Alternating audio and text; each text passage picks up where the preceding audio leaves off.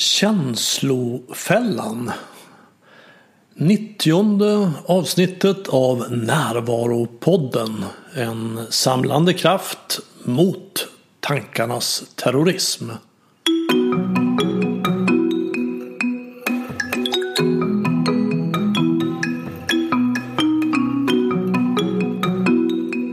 Det här är Bengt Renander och Närvaropodden är tillbaka efter nästan ett års uppehåll på grund av renoveringsarbeten i huset där jag spelar in. Renoveringen skulle ha varit klar nu men är inte det. Och jag är så sugen på att komma igång igen så att jag börjar ändå. Och jag vill tacka Cosmos Fredriksson på Kombatant Studio som har haft vänligheten att låna ut sin studio fram till att renoveringen hos mig är klar. Och är han bara hälften så tillmötesgående mot sina kunder som har varit mot mig så måste han vara fantastisk att arbeta med. Det känns fint att få börja efter uppehållet med just det här avsnittet som har ett innehåll som ligger så nära Närvaropoddens kärna. Det är ett samtal med Siri Helle som är legitimerad psykolog och författare och nu aktuell med boken Känslofällan. Ta makten över dina tankar och känslor och ditt beteende. Och jag och Siri pratar om svårigheten med att vara en apa som kan tänka. Om att känslor som kommer från tankar och känslor som kommer från något som händer här och nu känns likadana. Om att ändra sitt beteende som sätt att ändra sina tankar och känslor. Om att rädslan ofta inte står i proportion till faran om att det alltid är bra att veta vad man känner men inte alltid bra att följa känslan. Om att kunna agera från sitt förnuft istället för att reagera från sina känslor. Om att en förnuftig handling är en som leder mot mitt mål. Om att lyckan inte finns utanför oss i framtiden utan i oss nu gömd under en bråte av rädslor. Om att vi har en tendens att iscensätta våra rädslor. Om att reaktioner ofta kommer från känslan av rädsla. Om hur man kan hantera svartsjuka. Om att bli fri från tvångstankar. Och om att svälta ut monstret i huvudet och att ge det en rolig röst. Här är Siri Helle.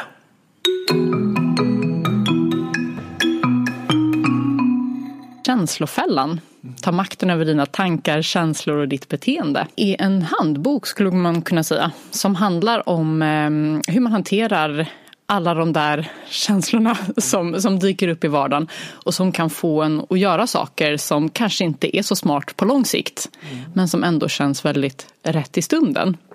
Det jag kallar för känslofällor och det kan ju vara att man eh, skjuter upp och gör någonting som man kanske egentligen borde göra. Eller att man fastnar i oro eller svartsjuka eller låg självkänsla. Man har svårt att sätta gränser. Ja, men alla de där sakerna där man agerar på känslan som man har just nu snarare än det som kanske är bäst för en på lång sikt. Mm. Så, så skulle man kunna säga att, det, att man följer sina känslor istället för sitt förnuft? Precis, att man agerar känslostyrt även om det inte är bra för en. Ja. För, för det är ju viktigt att komma ihåg att för det mesta så är det ju hjälpsamt att följa sina känslor vi människor har ju känslor av en anledning. De har ju hjälpt oss att överleva genom evolutionen. Mm. Det här att eh, när man är glad och eh, avslappnad så vågar man öppna upp och bli personlig och sådär. Eller man känner sig rädd så drar man sig undan. Mm. Men så har vi också de där tillfällena när känslorna kanske inte är riktigt helt rätt kalibrerade. Mm efter situationen man är i. Man kan ju till exempel vara nervös för att göra någonting som man vet vore bra för en. Vare sig det är att eh, söka nytt jobb eller bjuda ut någon på dejt eller sådär.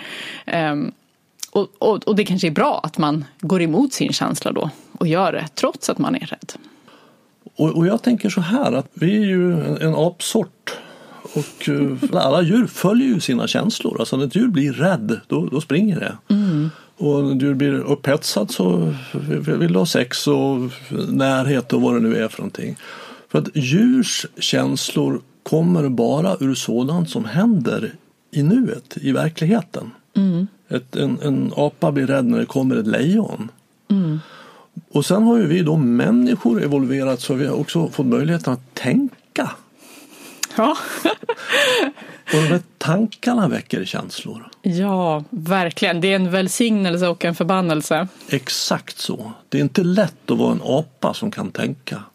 Verkligen inte. Och det är den komplikationen som vi pratar om här. Mm, absolut. Mm. Det är många saker som spelar in varför vi har de känslor vi har. Mm. Dels så um, föds vi med olika temperament. Vissa till exempel är mer räddhågsna av naturen eller vissa är väldigt stresståliga, kanske lite väl mycket och söker adrenalinkickar och sådär. Och sen så har vi också våra livserfarenheter. Och har man varit med om att, att vissa situationer är farliga inom citationstecken, till exempel att när man pratar om känslor så blir man bestraffad på olika sätt. Då kan man ha svårt att öppna upp också situationer där man skulle behöva det. Och sen har vi också såklart då hur man hanterar sina känslor här och nu. Med den, det temperament och den livshistoria man har, vad, vad kan man göra här och nu för att hantera de här känslorna när de uppstår? Ja, för mig det, har det varit väldigt hjälpsamt att, att, dela upp det. Att jag kan ha känslor som kommer av något som händer här i verkligheten och jag kan ha känslor som kommer av att jag tänker. Mm, mm. Och de känns ganska likadant. Mm. Det känns ganska likadant att tänka att jag kommer att bli avvisad när jag bjuder upp den här personen. Mm. Som att det känns att, att bli avvisad. Mm. Så det är ganska svårt att skilja på, kommer den här känslan från någonting som händer i verkligheten eller kommer det från någonting som händer i tankevärlden? Verkligen. Mm. Att det är väldigt hjälpsamt att se det, att, att först undersöka det. Att jag, för jag kan ju vara otroligt rädd, känns som, som livsfara. Men och då ser jag som, finns det någonting farligt här just nu? Just det. Så nej, det, det gör det faktiskt inte. Okej, då är det någonting jag tänker. Vad är det jag tänker? Mm. Ja men roligt, för jag tar ju upp då i boken, så när man fastnar i en sån här känslofälla, hur vet man ens? hur ska man skilja? Är det här en hjälpsam känsla som jag ska agera på? Eller är det en känslofälla? Och då har jag den här stoppprincipen som man kan tänka på. Mm, eh, ja, men, och S då i stopp, det står för självmedkänsla. Så att man alltid, alltid, alltid börjar med att acceptera att man känner som man gör. Mm. Och att säga till sig själv, det är inte konstigt att jag känner så här eftersom, oh, vad det nu kan vara. Jag har sovit dåligt eller eh, det här är väldigt viktigt för mig eller vad det nu kan vara. Eller jag har blivit avvisad före när jag har bjudit upp på Precis, precis. Mm. Men då när man, när man har visat sig den här självmedkänslan, att man sen då te, tänker efter. Mm. Okej, okay, men nu när, när situationen är som den är, vad är egentligen, alltså man kopplar på hjärnan. är det farligt på riktigt? Mm. Kommer det vara hjälpsamt för mig att följa känslan? Eller borde jag försöka agera annorlunda? Och då kommer vi eh, över till O då, olika alternativ. Mm. Eh, så i den här boken så presenterar jag då beteendeprincipen. Mm. Vilket alltså handlar om att Genom att förändra sina beteenden så kan man förändra sina tankar och känslor. Så att istället för att agera på känslan du har i stunden så agerar du i linje med känslan du vill uppnå. Så säg då till exempel att du står där och är eh, blyg och nervös inför att bjuda upp människor. Men om du ändå då vågar och går utanför komfortzonen så kommer du antagligen upptäcka att det här du var så rädd för, att bli utskrattad eller vad det kan vara, att det inte händer. Mm. Och om det mot förmodan skulle hända så var det antagligen inte en sån katastrof som du hade målat upp utan man, mm. man hämtar sig från det också. Men när man använder sig av beteendeprincipen så måste man fråga sig också då, så vad, vilka alternativ har jag? Mm, för, det är ju det skedet man då går emot känslan. Jag följer Exakt. inte känslan. Och... Exakt, och då till exempel så är det ju viktigt att, att lägga ribban på en lagom nivå. Så om det handlar om att bjuda upp någon, då, då kanske det börjar med någon som du känner lite grann.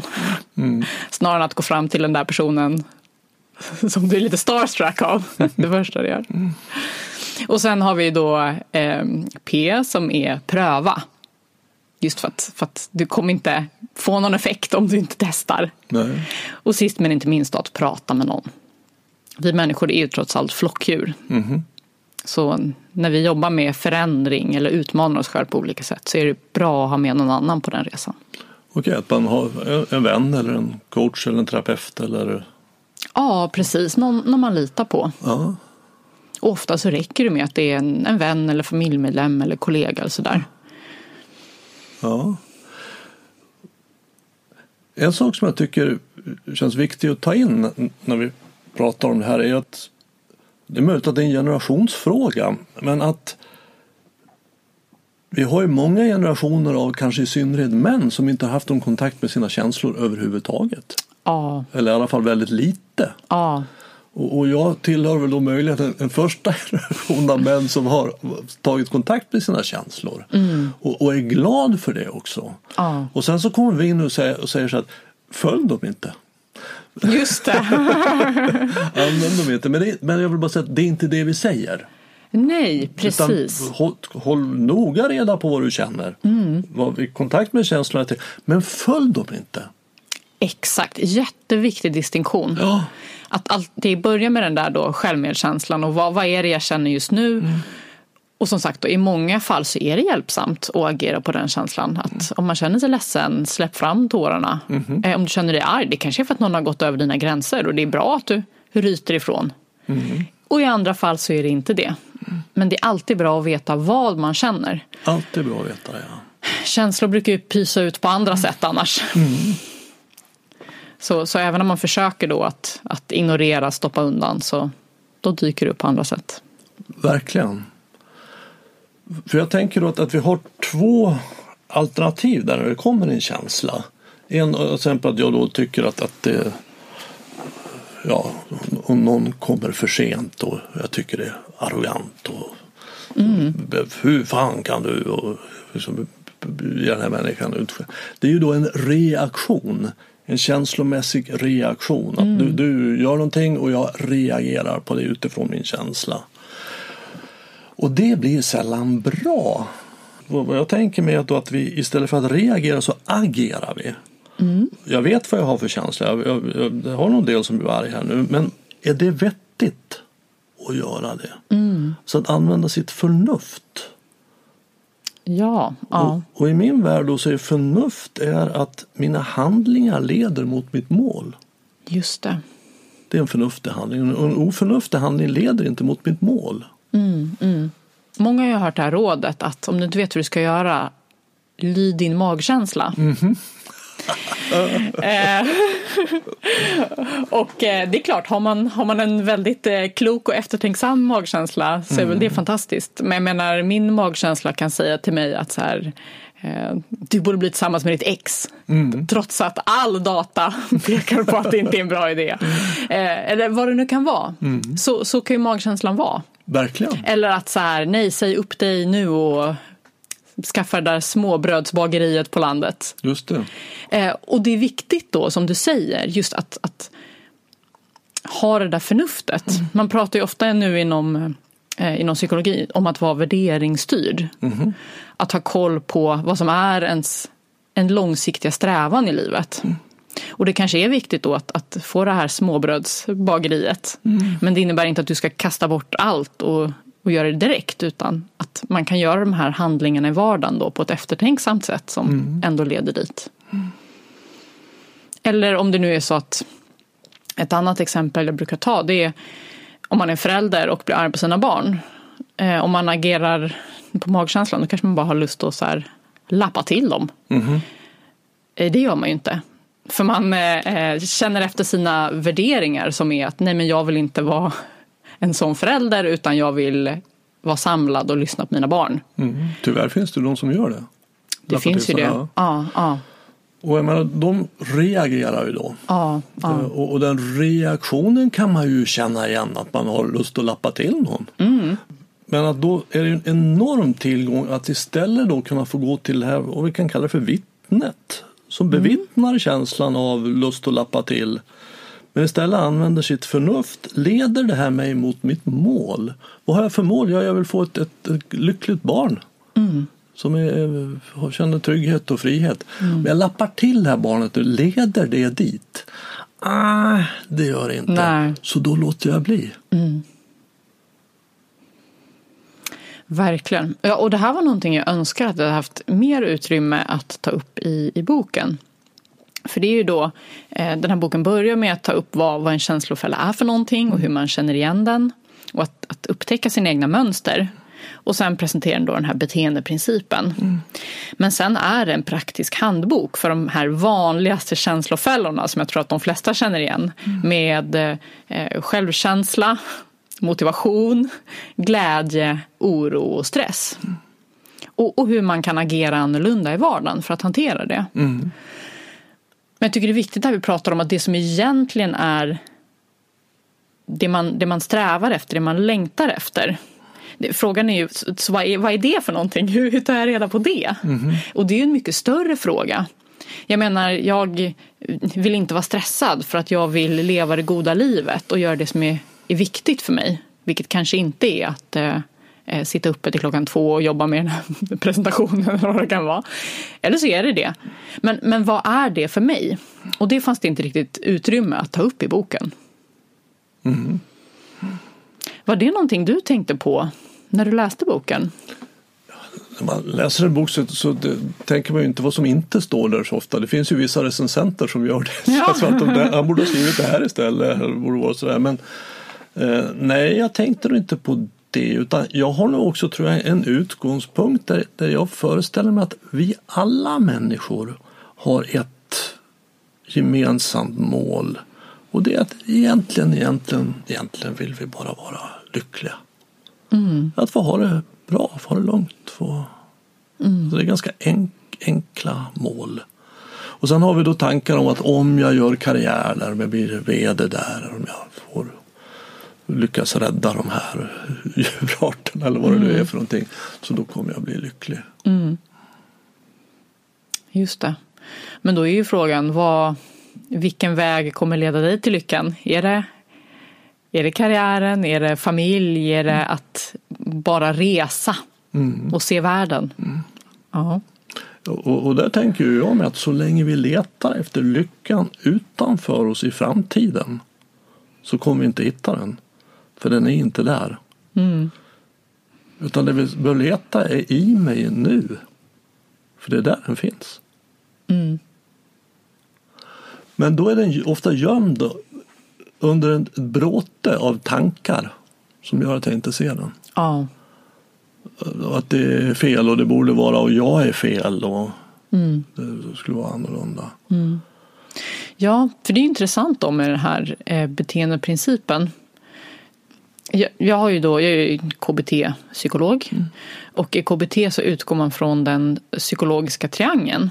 Så man säger då väldigt förenklat att, att mänsklig psykologi går att koka ner i tankar, känslor och beteenden mm. som hänger ihop och påverkar varandra. Mm. Och vi kan få en tanke som ger en känsla som gör att vi agerar. Mm. Och ofta när man vill förändra någonting så försöker man ju förändra då kanske hur man känner inför det hela. Men säg till exempel att man, man vill bli lyckligare men man känner att, att livet går på tomgång.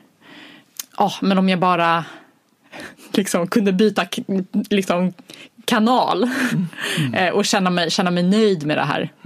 Eller man försöker ändra sitt tänkande. Om jag bara tänker positivt, då, då kanske. Men i KBT så utgår man ju från att börja med att förändra beteendet. Mm. Och till exempel då om man, om man känner att livet går på tomgång. Det kan ju faktiskt vara ett symptom på att man inte gör de där sakerna som verkligen känns angelägna för en. Till exempel då om man nu tycker att det viktigaste i, i livet är familjen. Eh, och så tänker man då att därför måste jag jobba övertid hela tiden för att försörja min familj.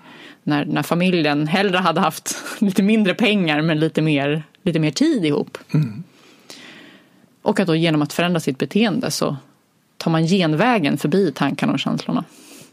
Och, och, det är ju i väldigt hög grad ett vettigt förhållningssätt.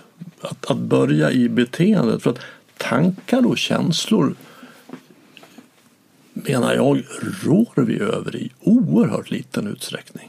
Mm. Det håller mm. på. Ja, de finns där. Ja, då, det är någon sänd, det sitter någon här som det är som en radio i huvudet och vem det är som sänder där det vet inte jag. Nej. Jag vet inte vad jag kommer att säga ens om fem sekunder. Mm. Och, och, och, när jag lyssnar på några tankar, man har mediterat mycket så lär man ju sig att bevittna tankarna. Ja. Det är inte klokt. Jag är ju helt klok. Gud vad det håller på med.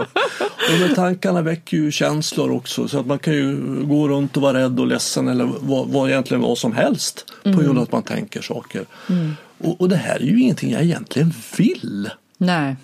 Men det håller på en så. Om det vore så enkelt att man bara kunde förändra sina tankar att man var herre över sina tankar. Mm. Då, då, skulle både du och jag vara utan jobb. Ja.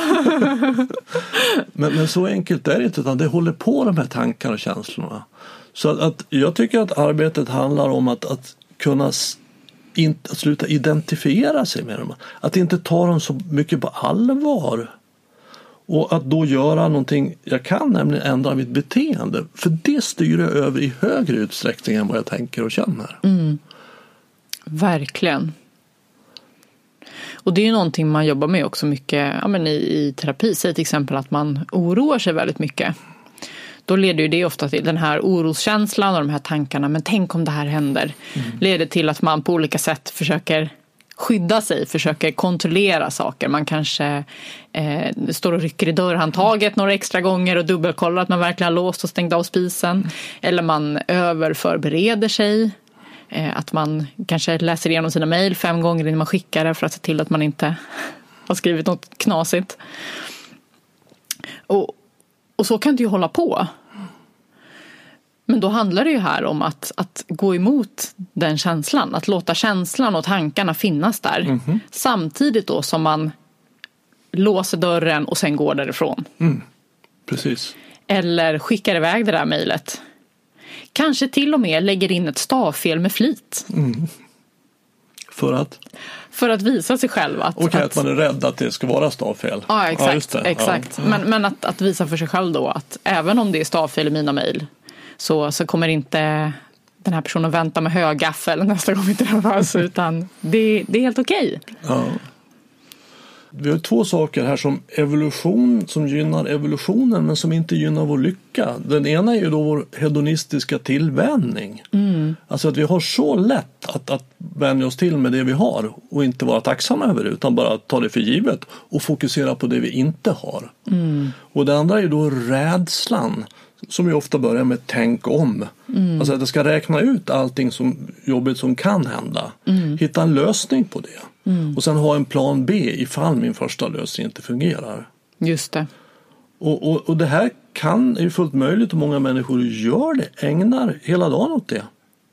Att ja. förutse allt, allt som kan hända.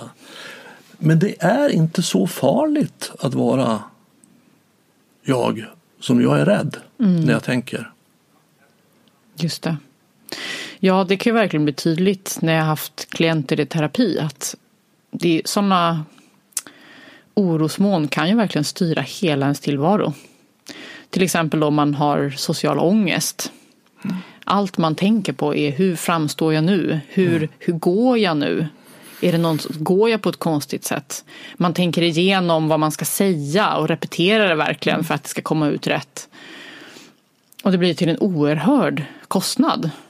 Verkligen. Eller om man eh, eh, ja, men, är upptagen med sitt utseende, mm. sin vikt eller mm. någon kroppsdel eller sådär kan det också vara att man, man bara vill gå på en sida gatan för att, för att ljuset faller på ett visst sätt mm. som är smickrande eller eh, att man, man tänker på det hela, hela tiden. Ja.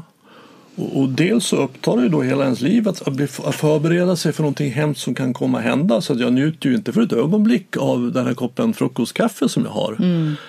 Och, och, den andra nackdelen är ju att, att jag också har en tendens att iscensätta det jag är rädd för. Mm. Alltså om jag är rädd om, om du bjuder hem mig på, på middag på fredag och säger att vi har några vänner som ska samlas, det vore roligt om du kom.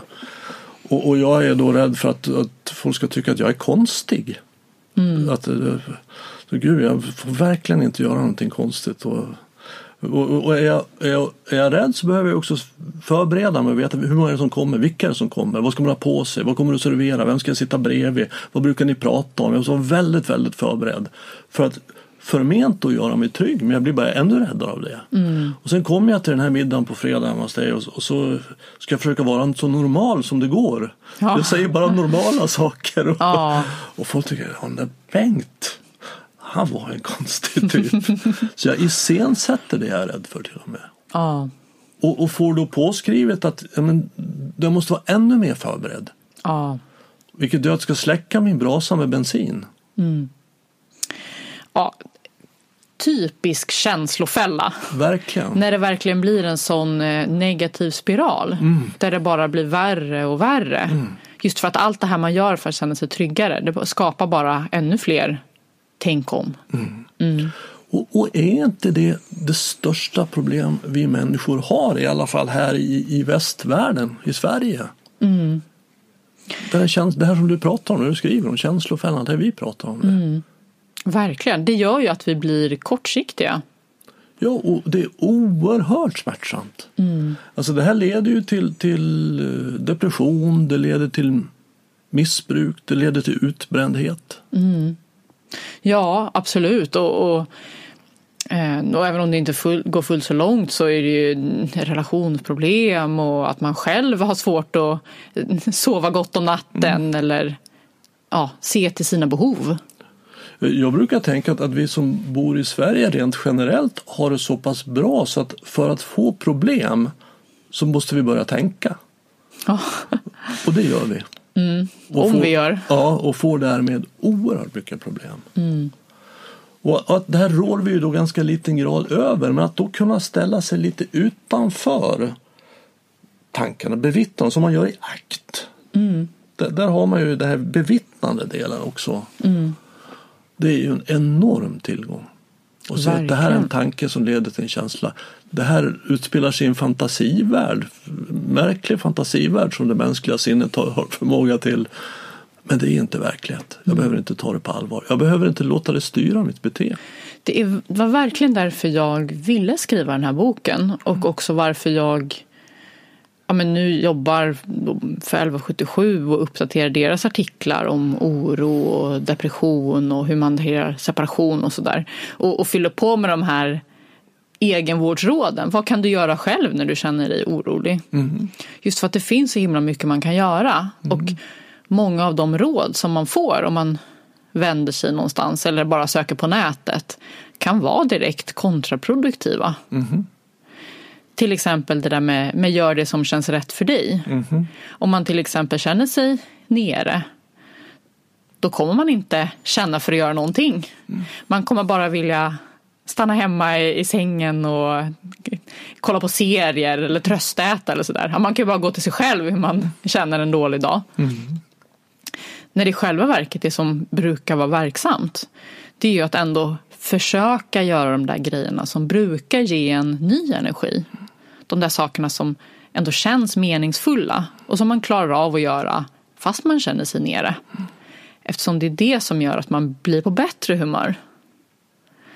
Och det känns så himla kontraintuitivt i stunden. Mm. Jag känner ju inte för att gå ut och ta en promenad även om det brukar hjälpa. Men sen när man väl är där ute i skogen så kan man känna gud vad bra att jag kom iväg när man jobbar med missbruk och, och missbrukare så, så, finns ett bra råd och, och det är att, att gör tvärtom. Ja. Så att, att så räkna ut vad, vad du känner för och vad som känns rätt för dig att göra. Mm. Om du har en aktiv missbrukare. Och så gör du raka motsatsen så kommer du med mycket stor sannolikhet hamna betydligt mer rätt ja. än du följer det du känner. Mm. Det här är ju någonting som är oerhört användbart vid just missbruk. Mm. Och, det, och, och, jag skulle nog säga, jag har jobbat med det i snart 25 år. Min erfarenhet är då att nästan alla människor, nästan alla människor har någonting de håller på med för ja. att slippa känna det de känner. Och det behöver ju då inte vara att man är narkoman eller alkoholist för att det, det blir ganska uppenbart. Men många håller, de allra flesta har någonting som man i smyg håller på med. Mm. Man äter kanske lite socker eller spottar ut lite kakor och äter eller man eh, shoppar, shoppar eller... internetsurfar, porrsurfar, mm. bekräftelse, mm. dating. Pratar människor konstant? Det har haft många klienter som är så himla rädda för tystnad. Ja. Rädda för att vara ensamma. Mm pladdrar. Mm. ja, pladder som missbruk. absolut, så det finns väldigt, väldigt mycket som vi gör. Och det där tycker jag visar tydligt på det som vi pratar om. För jag har en känsla här att, att jag, om jag känner mig blyg eller bortkommen, då vet jag att om jag dricker ett glas vin så kommer den där känslan gå över. Mm. Och det är då att, att reagera på känslan. Det, det känns obehagligt jag vill inte ha den känslan så jag tar det här glaset vin eller sockret eller pladdret eller sociala medier eller vad det nu är för någonting. Mm. Och, och, det du då säger är ju att nej, följ inte känslan att ta ett glas vin utan känn vad är det för känsla du har och känn den istället. Mm. Var, var kvar i den. Mm. Och se, är det vettigt att ta ett glas vin här nu? Mm. Är, är det vad jag själv vill? Leder dig det mot, mot mitt mål, nämligen att vara en lycklig människa. Mm. Och sen beroende på då, vad, vad, vad är det för känsla som, som väcker det här? För det, kan, det finns ju alla möjliga obehagliga känslor. Är det nedstämdhet? Mm. Är det oro? Mm. Är det stress? Mm. Och beroende på så finns det ju andra sätt att hantera den känslan som är mer hjälpsamt på lång sikt. Mm. Och det tycker jag också är viktigt och också en anledning till att jag vill skriva den här boken. Just att man differentierar sällan olika jobbiga känslor. Man pratar om att må dåligt och att när du mår dåligt Just det. då ska du eh, ja, men, prata med någon mm. eller ta hand om dig själv eller sådär. Men precis som det gäller med, med fysiska åkommor så är ju olika psykologiska tillstånd helt olika och hanteras på olika sätt. Verkligen. Jag menar, har du, har du brutit benet och någon ska stötta dig eh, då kanske det handlar om att eh, du ska få någonting roligt att göra medan du sitter still. Mm. medan eh, i andra fall så är det bättre att de ger sig ut i löparspåret med dig och det är så mm. de kommer hjälpa dig att bli bättre. Mm. Och på samma sätt då om du känner dig nere då handlar det ofta om att tagga till. Att, att hitta saker som, som kommer ge dig energi. Men om du är stressad så kanske det handlar om att tagga ner. Och, och både då att man, man själv känner till den skillnaden och att man också hjälper andra genom att, att känna till det här. Mm. För till exempel då har man någon som är väldigt orolig av sig då kanske det inte är att prata om det mer som kommer hjälpa utan tvärtom att få tänka på någonting annat en stund mm. så man blir på lite bättre humör och då tar tag i problemet mm -hmm. snarare än just det här ältandet när man mm. är rädd för att göra någonting. Mm -hmm. Jag tycker så bra det här att att inte nöja sig med att jag mår dåligt eller att jag mår bra heller för den mm. delen. För att, att dåligt är ju inte en känsla. Mm. Dåligt är omdöme om en känsla. Verkligen. Och om jag frågar dig, vad, vad har du för färg på, på väggarna i ditt sovrum? Du säger ja den är dålig. Du har fått veta vad du tycker om färgen men jag har inte fått veta vad det är för färg. Mm. Eh, samma om du säger bra också för den delen. Utan, vad är det för färg? Vad är det för känsla? Är det ångest, eller oro, nervositet, irritation? Alla de här känslorna känns lite annorlunda. Det är skillnad på att känna sig arg och irriterad och förbannad och ilsken. Alla de här är lite olika. Mm. Och att då undersök vad är, vad är det här nu? Är det irritation? Nej, jag är nog förbannad. Mm. Okej, okay, varför är jag förbannad? Ja, jag har ju den här tanken om att hon borde inte ha kommit för sent här till mm. vår dejt. Mm. Så, och vad väcker det? Ja, nu det väcker då lusten att uh, kasta ut min drink över henne och gå. du är melodramatisk. ja, verkligen. verkligen. Jag har ju en galning som bor där inne. Bara låta den prata. Men se då, och sen då gå till, vad är vettigt? Är det vettigt? Ja, det kanske är, för jag vill ju jag vill ha någon, träffa någon och ha någon och prata. Jag kanske ska fråga nu, du, vad kommer det sig att du kom för sent? Mm. Det kanske är en vettigare grej. Mm. Och, och, det gör att, och det kommer ju hon reagera bättre på när jag kastar ut drinken på henne. Så att, att det, det gör ju att, att jag kommer att, att ha en större chans att få till den här relationen som jag vill ha. Mm. För jag använder mitt förnuft. Verkligen. Mm. Och det är ju svårt, som vi pratade om i början, det här att man har ofta inte fått träna på det här. Jag tänker du pratade där om, om de äldre männen, men mm. eh, jag tänker överlag så har vi ju inte fått träna så mycket på hur man hanterar känslor. Otroligt lite. Och en del får ju ändå mer hjälp att, att skilja på olika känslor. Jag mm. tänker det här när man som barn trillar och slår sig och så, så kommer föräldern och säger så här, åh är du ledsen, gör det ont? Och vissa kanske då speglar och säger så här, ja men åh, jag märker att du är ledsen eller mm. arg eller besviken. Och så får mm. man lära sig, okej okay, så det är det jag känner, det är så här besvikelse känns. Just det.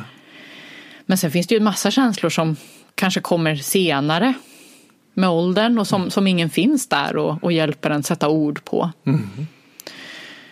Eller att man redan från barnsben får lära sig att känslor, det ska man inte visa. Mm. Men att det ändå är en färdighet som går att träna upp. Och att det är så himla viktigt. Mm. För att det är så lätt då när man, man träffar någon om man inte känner att man får den här det stödet eller hjälpen man, man känner att man behöver. Mm. Den personen kan också öva. Verkligen. Och exakt så, det är en färdighet som man övar upp. Mm. Och det är ju så, jag har så många gånger varit med om att jag har frågat en klient, för det är ofta den station jag frågar, så att vad, känner du just nu? Så ser jag in i ögonen på klienten och jag, jag skulle lika gärna kunna fråga vad är det för väder på Saturnus just nu? Jag har ingen aning. Nej. Jag har ingen aning. Och det är för att jag inte fått lära mig att öva upp den färdigheten. För att många av oss är ju uppvuxna med mer eller mindre emotionellt handikappade föräldrar. Mm. Som i sin tur har vuxit upp med, ja. med föräldrar. Så, så att det här går ju generationer bakåt. Och jag vet inte om du har undersökt i något sorts historiskt perspektiv men, men jag tänker mig att för 100-200 år sedan när man hade fullt upp att undvika svält mm. att, att då finkalibrera sitt känsloliv hade man inte riktigt utrymme för. Nej. Utan det är någonting som kommer nu som, som en gåva när vi har det så bra. Vi behöver inte längre kämpa hårt från tidigt på morgonen till sent på kvällen för att undvika svält. Så nu kan vi undvika undersöka det här rika inre känslolivet som finns i oss. Mm. Just det. Samtidigt som jag tänker också att man har ju verkligen nytta av de här färdigheterna särskilt när man är i, pressade situationer. Nu tänker jag, jag är också engagerad i, i många andra frågor och en av dem är just global psykisk hälsa. Mm. Och att många människor som lever under extremt pressade förhållanden, det är ju vanligt att det också yttrar sig i depression och, och ångest. Och, förstås. När, Absolut. Ja, eh, men när man då får verktyg att, att hantera de här känslorna så blir man också, ja, får lättare att funka i vardagen. Mm. Och, eh, man blir liksom, ja, mer konstruktiv i sina relationer och kan prata med sina barn på ett annat sätt vilket gör att det blir mer harmoniskt hemma och ja, de, de blir lydigare. Eller liksom, vad det nu kan vara. Nej, men att det blir... Man tjänar på det. Mm, verkligen. Också i de där mest pressade situationerna. Och i relationer. Mm. jag tänker på parrelationer, kärleksrelationer. Mm. Så är det ju en sån enorm tillgång att veta vad man känner. Ja. Och att inte slaviskt följa sin känsla utan ha tillgång till vittnet eller förnuftet och kunna meddela du, när du sa så, jag, jag, jag la märke till att jag blev väldigt besviken. Ja. ja att jag uttrycker mig så. Att det, det, kommer, för det öppnar ju för dig att säga okej, okay, jaha, intressant. Varför då? Mm. Istället för att känna mig besviken och sen ge utlopp för det. Hur fan kan du? Precis, det blir ju lätt att man vänder det till ilska och anklagelser. Absolut, eller stänga ner, stänga ja. av, lämna, gå bort. Vilket ju också verkligen är en form av våld. Mm. Ja, jag hade faktiskt velat ha ytterligare ett kapitel som handlade om, om kärlek. Ja. Men då sa min förläggare att det där det är en egen bok. ja, vad fint. Vad hade du velat skriva där då? Men då hade jag velat skriva om um, svartsjuka. Mm. Um, om ja, men, ilska, mm. den här ja, men, oron att inte räcka till, mm. att vara otillräcklig. Ja. Nej, men för jag tänker att det är verkligen en sån arena. Absolut, för där, känslor. Och... Precis. Och också det här när man upplever att man inte är så kär som man skulle vilja vara. Mm. Eller att man blir kär i fel personer. Mm. För det kan ju också handla om en sån här känslofälla. Helt enkelt att man gör de här kärleksbeteendena eh, med, med, fel personer, om vi mm. säger så inom citationstecken. Till exempel det här med att man eh, eh, kanske gör sig fin och fixar sig eller, eller förbereder och eh, gör romantiska saker. Eh, och om det är så att man ofta gör det med, med, personer som man vet inte är så bra för en, då mm. blir det ju att man själv spär på sin egen förälskelse. Mm. Fast det man kanske helst vill göra är att komma över den personen och gå vidare. Mm. Eller om man har blivit lämnad, att man, man sitter hemma och, och lyssnar på de gamla låtarna och kramar tröjan som fortfarande luktar som ens ex och sådär. Mm. När det egentligen handlar om att försöka städa bort det som påminner och, och fylla tiden med annat som mm. känns meningsfullt. Eller då om man är i en relation som tidigare var så här spännande och lustfylld. Men man har successivt och skalat av de här sakerna som gjorde relationen spännande och lustfylld. Mm att då återupptäcka dem tillsammans. Mm. Eller hitta nya grejer mm. som kan ge de där känslorna. Mm. Och, och, det kräver då att man kan kommunicera och kan prata med varandra. Ja, ja. ja. Och, och, det är ju egentligen det enda jag gör när jag jobbar med par, att jag lär dem att prata med varandra på det här sättet. Mm. Att jag har känslor och tankar men att vi kan mötas i respekt. Mm. För vad som händer i förment kärleksfulla relationer är att vi börjar behandla varandra väldigt respektlöst. Mm. Så, så behandlar jag någon respektlöst så, så, dör kärleken till slut. Ja. Och behandlar jag dig med respekt, alltså jag är närvarande här med dig, jag lyssnar och jag är beredd att förstå dig och jag är beredd att samarbeta hitta någonting. Det är att behandla dig med respekt. Lyssna på det du känner. Och då kan vi också både vara fascinerade över hur det är att vara människa Ja. Så blev du besviken? Wow, för mm. det! Ja. Intressant! Och jag kan själv säga ja, jag blev jättebesviken. Ja. Och kanske hitta, men det kan ju nog ha att göra med då att, att när, för jag blev så besviken att du inte frågade mig om, om jag vill ha kaffe till exempel. Mm. Och det var för att det gjorde, när jag var liten så var det så här, jag har nog lärt mig att, att jag inte blir sedd i dem. Jaha, okej, okay. mm. intressant. Ja. Och då uppstår någon sorts läkning. Verkligen. I kärleken. Mm så läks vi. Mm. Och just att den första impulsen, den är ju antagligen en annan. Den är ju helt annan. Mm, att... Hur fan, du skiter ju i mig och inte ja. frågar mig om kaffe. Ja. Och då att, att använda den här beteendeprincipen att fråga sig, okej okay, men när det är en person som jag, eller till och med den här personen, mm. när jag känner kärlek, när jag känner respekt, vad brukar jag göra då? ja, men då brukar jag inte anklaga utan då brukar jag fråga mer istället. Lyssna nyfiket till exempel. Okej, okay, jag testar att göra det nu. Mm. Fast det jag mest av allt känner för att göra är bara att ha, ha, ha ett utbrott. Ja, reagera. Ja, mm. och märka då att, att de här tankarna och känslorna förändras och mm. att kärleken och respekten kommer på riktigt. Mm. För att mina reaktioner kommer nästan alltid ur rädsla. Mm. Vilket gör också att vi kommer i en sorts överlevnadsmode när vi reagerar. Att det blir så viktigt. Mm. Så gör vi saker som inte är kloka. Ja. För, för det, och det är så starkt och det är så viktigt. Och, och det slutar i ensamhet och skam, förnedring. Mm. Så det här vi pratar om då är att, att kunna hitta ett annat sätt mm. än reaktionen. Och jag tycker att det är så häftigt att se vad den här metoden kan leda till. Mm. Hur kan man använda det vid svartsjuka? Jag, jag, får ibland frågor, kan du, inte kan, kan du inte prata om svartsjuka i podden? Och, och, ja. och det, det vore fint att få göra det. Ja, men gärna. Hur, hur använder man det vid svartsjuka? Svartsjuka är ju precis som annan oro, det här tänk om. Mm -hmm. Det här fruktansvärda händer, att min partner faller för någon annan mm. och lämnar mig. Mm. Och det är ju en, ett fruktansvärt scenario och det är klart att man blir orolig och vill göra då allt man kan för att förhindra att det här ska hända. Mm. Och det är vanligt då att man eh, börjar ställa kontrollfrågor. Mm.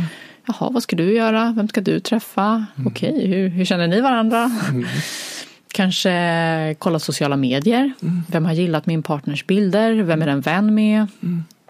Eh, I vissa fall så kan det ju ja, verkligen gå över gränsen att man börjar liksom följa sin partner överallt eller förbjuda den från att träffa vissa människor eller sådär. Att man... Det är då det blir sjuka.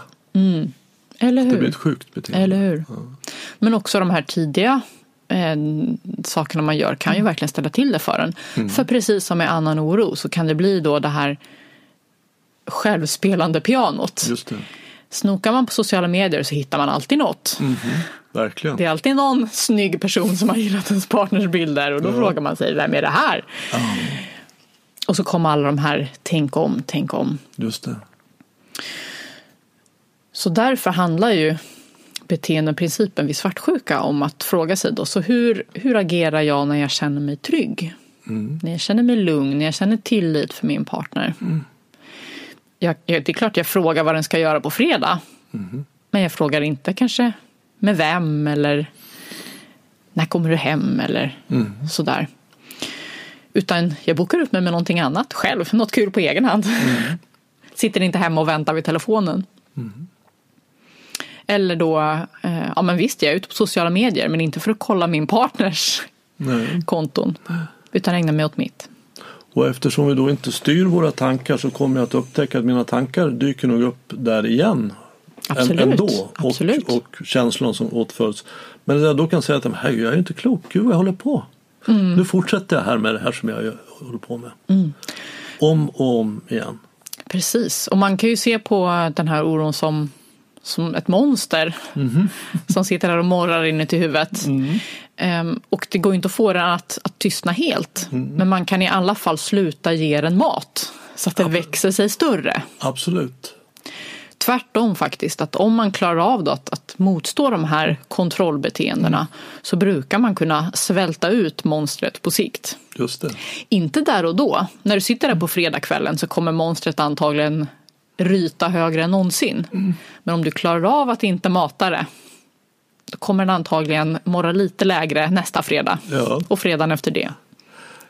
Ett sätt att hantera monstret, om du kallar det som jag faktiskt finner väldigt verkningsfullt, det är att ge det en rolig röst. Ja, berätta. att den får en, en, man nu är han ute igen med den där. ja, då är han ute med den där. Just alltså bara ger en röst som, som visar. För, för det monstret säger är inte klokt. Mm. Det, det, är helt knäppt. Mm. Och som då visar det, att, att, man, och att ge en röst, det är så bra att få ur sig saker. Så länge det är i huvudet så är det så lätt att tro att det är sant. Ja. Men bara, det är väldigt många terapiformer handlar ju om att jag får säga ut det. Ja. Eller att, att värdet av att skriva ner det mm. är så värdefullt. Och då ger man en röst åt det här monstret som är en rolig röst. Som gör att, då ser man att det här är inte riktigt värt att ta på allvar. Just det. Man säger högt bara. Ja. Mm. Eller döpa sitt monster kan man också göra. Absolut, mm. till ett roligt namn. Nej, exakt. nu är Sixten igång igen. Ja. Typiskt Sixten att säga så. Ja. ja. Verkligen. Nej, men, så det är så man brukar hantera då överdriven svartsjuka. Mm.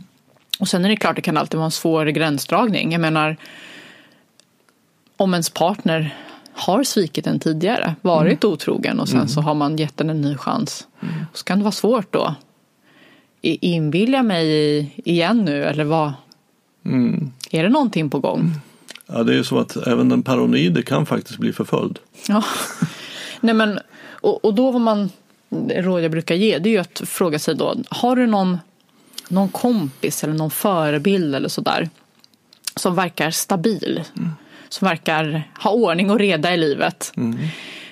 Vad skulle den personen ha gjort? Mm. Vad skulle den tycka var, var rimligt i den här situationen? Mm. Till exempel då om man, om man märker att ens partner eh, ofta är ute sent eller verkar kommit väldigt nära en av sina kollegor. Det kanske är rimligt då att, att ta upp det mm. vid något tillfälle och fråga. Hur, hur känner ni för varandra? Mm. Men däremot kanske det inte är rimligt då att, att eh, ta sig in på personens mejl och, och, läsa i, i, hemlighet eller sådär. Nej, eller anlita en privatdetektiv som förföljer den. Exakt. Och jag tänker också att det finns en del i svartsjuka som inte har ett smack med den andra personen att göra utan som handlar om hur jag ser på mitt eget värde. Mm. För att om jag vet att jag är, jag är underbar jag förstår verkligen att min partner älskar och åtrår mig för jag är så underbar. Eh, då kommer jag inte vara så orolig. Men mm. om, om jag tänker att, att jag är, är, är ju verkligen inte mycket att hänga i, i granen. Och så att så fort min partner träffar någon annan eller pratar med någon annan i någon kö så kommer den att känna att den där personen är bättre än jag. Lämna ja. mig och ta den där istället. Mm. Så det finns någonting där som man kan behöva titta på som är mitt alldeles, alldeles egna. Verkligen. Ja, och då kommer vi in lite på det här kapitlet om självkänsla. Ja, precis. För, vad, vad är det då? Vad är självkänsla? Ja, självkänsla är det värde man upplever att man har som person. Att om man upplever sig själv som värdefull, som tillräcklig, som, som bra som man är. Eller eh, det kan vara tvärtom, att man känner sig värdelös, oduglig, otillräcklig. Mm. Och för de allra flesta av oss så ligger vi någonstans där mittemellan. Mm. Att vi ibland har bra dagar när vi mm. känner oss on top of the world. Mm. Och så har vi dagar när vi känner oss helt värdelösa. Mm. Och det är så himla lätt när man har då den här låga självkänslan, känner att man inte duger till, att man hittar olika sätt att, vad ska man säga, de här snabba kolhydraterna, den här mm. omedelbara bekräftelsen att men just nu vet jag i alla fall att jag duger. Det kan vara att man eh, fiskar komplimanger på sociala medier eller på mm. krogen eller att man eh, skryter väldigt mycket för att visa upp att man ändå håller måttet. Mm. Eller tvärtom att man alltid låter andra ta plats på ens egen bekostnad. Mm. Så, så vi hittar alla våra strategier. Mm. Men återigen då, att det kan bli ett sånt här negativt mönster. Där man då genom att, att utplåna sig själv också upplever att man får mindre och mindre värde i sina egna ögon. Mm. Vad har jag att komma med? Ja, för jag kommer ju aldrig med någonting på mötena. Jag, jag sitter ju bara här tyst, mm. vågar inte framföra sina idéer. Mm. Så blir det en, en negativ spiral. Mm. Och om en sån person då använder den här metoden, hur, hur gör hon då, eller han? Mm. Då handlar det helt enkelt om, okej, okay, så, så om jag hade en stark självkänsla, mm. eller personer som jag tycker har en stark självkänsla, vad gör de? Hur agerar de i vardagen? Och då pö om pö, så, så mycket man, man kan, imitera det beteendet. Mm. Att man kommer med den där idén på mötet. Att man säger till sin partner, det här är vad jag behöver och vill mm. just nu. Eller att man biter sig i tungan när man får lust att överglänsa den andra med, med skryt. Att man istället mm. tänker att nej, nu får den, nu får den glänsa. Mm. Och, och, det blir lite det här vi pratar om med, med missbrukare, att, att gör tvärtom. Ja. Alltså räkna ut vad, vad som du spontant ja. vill göra, vad, vad, du naturligt gör. Ja. Så gör du raka motsatsen. Mm. Och, och, du känner ju väl till det här marshmallow-testet.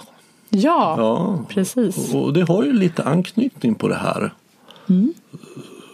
Ska vi, vill du berätta hur, hur Just det, ja, men när man låter barn ja. Få en, en marshmallow framför sig och sen säger man nu kommer jag lämna rummet här mm. i en kvart eller så. Mm. Och när jag kommer tillbaka, om du inte har ätit marshmallown, då kommer du få en till. Mm. Men om du har ätit upp den då blir det inget mer. Nej, men det är inget straff för det utan det, det, det är helt okej okay också. Mm. Det finns ju filmer av barnen och så Det är jätteroligt. det är så gulligt. Och, och det här handlar ju om det som, som, som vi pratar om. Att, att, det finns naturligtvis en känsla som är att jag är sugen på den här spädbarnen. Mm. Jag, jag vill ha den nu. Det är en känsla. Men sen så kan man säga att jag har den känslan men jag vet också att jag får två marshmallows. Om jag väntar fem minuter eller vad det nu är för mm. någonting. Och, och, det är ju vettigare att få två marshmallows. än en. Så vad, vad följer jag? Just det. Är det känslan eller då förnuftet? Och, och, och, det stora med det testet det, det, var ju att de följde upp de här barnen under jag tror 40 år framåt. Ja. Och det visade sig att, att de som väntade och fick tvåmånadersmödrar hade betydligt större framgång i livet. Ja. De som klarar av det här med uppskjuten belöning. Just det. Och också att, att inte agera på den första känslan. Mm. Just då att det är hjälpsamt då när man ska plugga till ett prov eller eh, bjuda ut någon eller vad det nu kan vara. Träna. Mm. Uh. Och att det känns jobbigt just nu men jag står ut med det. Just för jag det. vet att det kommer löna sig på sikt. Just det, jag är inte känslostyrd utan förnuftsstyrd istället. Mm. Det kan ju låta lite tråkigt att vara en förnuftig människa men det är det inte. Det är tvärtom, det är väldigt jobbigt att inte vara det. Ja, eller då tänker jag att, att hitta den här balansen. I vilka situationer kan jag vara känslostyrd? Och, och unna mig det. Mm. Ja, men det kan ju vara i de lägen då det är förnuftigt att vara känslostyrd. Ja, exakt, man kan ju säga så också. Ja. Nej men ibland så är det härligt att bara hänge sig åt eh, vänskap eller kärlek eller frosseri eller sådär. Absolut. Ja, därför det är ju viktigt att undersöka. Det här handlar ju inte om att, att inte känna eller att inte följa sina känslor. Men att låta, kunna låta bli att följa sina känslor när de leder åt helvete. Precis. Bra sammanfattat. Ja. ja. Men eh, jag tänker nu att jag vill jobba mer förebyggande på samhällsnivå. Mm. Jag kände där när jag, när jag satt på min mottagning mm. att i många fall så sa jag samma saker mm. sex gånger om dagen. Mm. Och ibland så kunde det vara så illa att jag kände att nu har jag lappat ihop den här människan men skickar tillbaka den till samma, samma system som gjorde den sjuk till att börja med. Mm. Och att jag nu vill jobba mer med ja, en, att bygga ett samhälle, en miljö som, som främjar hälsa. Mm. Så um, Just nu så driver jag en kampanj för att psykisk hälsa borde sättas på schemat i skolan. Ja, vad fint. Bra. Jag menar, vi har haft fysisk hälsa på schemat i snart 200 år. Mm. Så det kanske är dags att mm. också den psykiska hälsan gör sig intåg. Mm. Nej, men jag har exakt samma intention med den här podden. Det är, det är mitt sätt att försöka sprida ja. psykisk hälsa. Som egentligen vett, vara vettig. Ja. jag får bara ha det lite bra. Ja. Det, det är i grunden ganska enkelt att inte hålla på med en massa tok. Mm, mm. Som det är så jädra lätt för oss människor att hamna i. Och jag talar av egen erfarenhet. Mm. Det här är inte, något, det är inte bara teori för mig. Jag been there, done that. Mm, Verkligen. Men att, att kunna hitta då det här sättet att hantera livet istället och märker att det blir så mycket bättre Mm. på alla sätt. Och det är inte det blir tråkigt, det blir mycket roligare. Ja. Härligare. Verkligen. Ja, nej, och jag pratar ju också utifrån egen erfarenhet. Jag skriver ju boken om när jag eh, var, som tonåring hade tvångssyndrom, OCD. Mm. Och då plågades jag av eh, tvångstankar att jag skulle skada mig själv eller andra. Okay. Och det var någonting som verkligen styrde min tillvaro då. Att jag tyckte det var obehagligt att vara nära fönster. Mm. För jag var rädd att jag skulle hoppa ut. Mm. Tyckte det var obehagligt att åka tunnelbana. För tänk om jag skulle kasta mig framför tåget. Eller knuffa någon annan ner på Mm. spåret. Och sådana där tankar kan ju poppa upp hos vem som helst. Att, att man är Mm. Ute och man går över en bro och så tänker man, tänk om jag skulle slänga ner mobilen. Ja, precis. Ja. eh, och det är ju inget ovanligt utan det händer ju ibland. Tanken att vår hjärna kan hitta på alla möjliga Ja, man är inte klok. scenarion. Ja. Men det som händer då vid tvångssyndrom är just att man blir rädd för tanken. Mm. Men gud, vad var det? Vad tänkte jag precis? Vill jag kasta ner min mobil? Mm. Vill jag hoppa från den här bron? Och att man då, genom att man blir rädd för den här tanken då, återigen sätter igång hela det här maskineriet. Att ju mer man anstränger sig för att inte tänka den här tanken, desto ofta poppar den upp eftersom man ju bevakar den konstant. Just det. Just det. Så, eh, ja. Så för mig var det då flera år av mitt liv när jag ja, var helt upptagen. Jaha. Under din tonårstid eller? Precis. Så eh, jag hade lite olika skov då. Så första var när jag var nio år gammal. Mm. Då var jag väldigt rädd för eh, gift och giftiga svampar mm. och rengöringsmedel och sådär. Och sen när jag var elva. Och då var det mer det här skada mig själv eller andra. Mm. Och sen hade jag ett riktigt jobbigt skov när jag var 15. Mm. Och då berättade jag för första gången för mina föräldrar. Mm. Innan dess hade jag inte vågat. Jag tänkte, Nej. jag är galen. Jag kommer bli inspärrad. Ja. Men eh, ja, sen var det bara, mamma satte mig i KBT. Mm. Och ett par månader senare bara så var jag fri. Wow. Och det var ingen lätt process. Utan eh, när man använder beteendeprincipen vid sådana här tvångstankar, då handlar det ju om att, att visa för sig själv att jag kan stå där på perrongen och jag kan stå där en kvart, jag kan stå där en halvtimme, mm. jag kan stå där en timme, jag kommer mm. ändå inte hoppa. Nej, eller knuffa ner dem. Nej. Nej. Så det var vad jag gjorde. Mm. Det var inte lätt som 15-åring att stå där på, på dödens rand och tänka när som helst nu, när som mm. helst. Mm. För det är så otroligt starkt. Alltså rädslan ja. är så stark. Mm. Det här är livsfarligt. Så man kommer med sitt lilla förlust och säger men det är inte bara att stå på ryggen. Ja. Det här handlar, för det handlar ju om liv och död. Ja. Det är överleva, jag kommer att dö. Ja. Så känns det. Mm. Ja. Och det enda man har är det där, den där lilla rösten från ens terapeut som sagt det kommer gå så bra så. Ja. Det här kommer funka. Ja. Och så står man krampaktigt och mm. håller i det lilla hoppet. Ja. Och så funkar det. Ja. Och det är helt makalöst. Ja. Ja, jag förstår verkligen att du, du har gett in i det. För, för det, är, det är ju det, det här, den här boken handlar om. Mm. Det är ju känslofällan du fastnade i. Verkligen. Ja. Och det var ju då i en extrem form.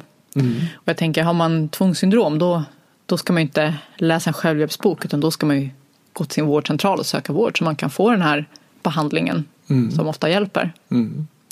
Men eh, det, vi fastnar alla i de här känslorna, de här rädslorna, de här tankarna som saboterar för oss. Ja, verkligen. Vi har alla tankar som vi inte rår över, som vi inte har bett om. Mm. Utan som kommer ifrån en sorts utställning. Varifrån de nu kommer vet jag inte, men de kommer. Och de här tankarna väcker känslor i oss. Mm. Och de här känslorna leder till att vi beter oss på sätt som inte riktigt är kloka. Mm. Och vi kan se det, att gud vad jag håller på, nu har jag ätit upp en hel chokladkaka igen. Mm. Jag har ju bestämt, jag har lovat att den ska göra det. Men jag gör det i alla fall för att det är känslorna som styr. Mm.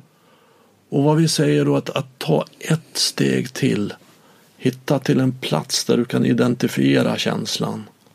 Och se vad, vad vill du själv?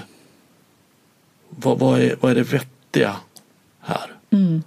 Och träna på att gå dit och leva ditt liv därifrån istället. Ja, verkligen. Och sen när man pratar om det så såklart låter det lättare sagt än gjort. Det om det var så enkelt då hade man redan gjort det. Det är lättare sagt än gjort. Mm. Men, men jag tycker att det, det, är mer intressant att det går än att det är svårt.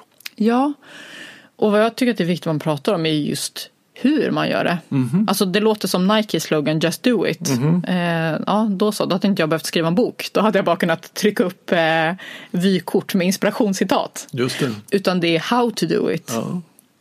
Och till exempel då, men vikten att man tar det stegvis. Ja. Inte börja med det allra, allra svåraste på en gång. Mm. Även om det är det man tänker att mm. det är det där hindret jag ska över. Utan att fråga sig, vad ligger precis inom räckhåll nu? Vad, vad kan jag klara av? Just det. Och att man börjar där. Just det. Och klara av men det ändå går till precis till min gräns. Precis, jag utmanar mig själv. Exakt, det måste ja. vara en utmaning i det. Mm. Till gränsen men inte över den. Mm vara kvar där, se att jag överlever. Mm. Kunna ta ett steg närmare. Exakt. Jag menar om man har spindelfobi då mm. kanske man inte träffar en spindel det första man gör utan det kanske bara handlar om att vänja sig vid ordet. Jag har faktiskt följt en person i just behandling av spindelfobi. Ja. Och ute på Skansen, de hade det, jag vet inte om de har det fortfarande. Ja. Och då, började vi med att stå 10 meter från mm. den här behandlaren. Och, och, hon sa det att, att jag har en bild på en spindel här. Mm. Och, och den var vänd åt andra hållet då. Mm. Är det okej okay att jag visar den? Alltså för en person som har spindelfobi är det läskigt att se en spindel på bild. Verkligen. Alltså det, mm. det, det ska vi ha respekt för. Och han fick säga ja, och så vände hon och så fick vi stå kvar och märka ja det gick bra. Och sen mm. närmade vi oss då. Fick vi ta ett steg närmare och så fick han hålla i den här bilden. Mm. Och sen så, ja, hela tiden frågor, är det okej okay att vi går in, tar ett steg till, tar ett steg till. Så gick vi in i akvariet där, där de har spindlar. Mm. Och vet, efter två timmar så satt han med den största jädra spindeln de hade i det akvariet i handen. Ja. Och jag skulle inte vilja ha den där spindeln. Nej, han, det är så, oerhört. Ja, alltså. det var väldigt fascinerande att se. Mm. Ja, och jag, jag har ju gjort sådana fobibehandlingar. Mm. Det kan vara spindlar men det kan också vara ormar mm. eller uh, getingar, mörker, alla mm. möjliga grejer. Ja. Men det är så häftigt att bara på några timmar ja. så kan man omkalibrera sitt inre larmsystem. Ja. Så att det inte larmar så högt. Just det. För det är egentligen inte farligt. Nej. Och lära sig då en förmåga att kunna herberera en känsla utan att den styr mig. Mm. Verkligen. Mm. Och man känner sig oövervinnerlig sen. Ja, absolut. och det är någonting jag tänker har hjälpt mig mycket och som jag har nytta av nu då när jag är med i tv och föreläser på konferenser och ja, skriver böcker. Det är också skitläskigt. Mm, att skriva en bok och hur ska det här tas emot och kommer någon vilja ha den? Kommer någon vilja läsa mm. Men jag vet att jag kunde stå där på tunnelbaneperrongen. Mm. Och klarar jag det, när jag upplevde då att mitt liv stod på spel. Mm. Herregud, var med i Nyhetsmorgon. Mm. Vad är det i jämförelse? Ja. Jag förstår. Mm. Att få vara fri. Mm. För den som kan känna det hon känner, hon är fri.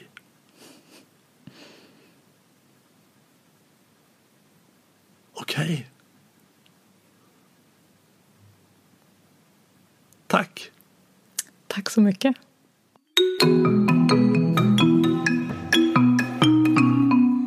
Om du vill veta mer om Siri, om hennes bok Känslofällan, Ta makten över dina tankar, känslor och ditt beteende eller komma i kontakt med henne så finns en länk till hennes hemsida i anslutning till det här avsnittet på min hemsida renander.nu. Jag gör Närvaropodden för att sprida kunskap om hur medvetenhet och närvaro kan hjälpa oss att sluta terrorisera oss själva och andra med tankar. Om du vill stödja podden, hjälp till att sprida den genom att tipsa om den till vänner och bekanta. Det är också hjälpsamt om du betygsätter och skriver kommentarer på iTunes. Vill du bli mer medveten och närvarande? Läs min senaste bok Stoppa tankarnas terrorism. Boken har fått många positiva omdömen som tydlig, klar, enkel och väldigt användbar. Enklast köper du boken via hemsidan renander.nu och jag signerar den gärna om du vill. Har du något ämne eller person som du tycker skulle passa i den här podden? Tveka inte kontakta mig och enklast gör du det via kontaktformuläret på hemsidan renander.nu.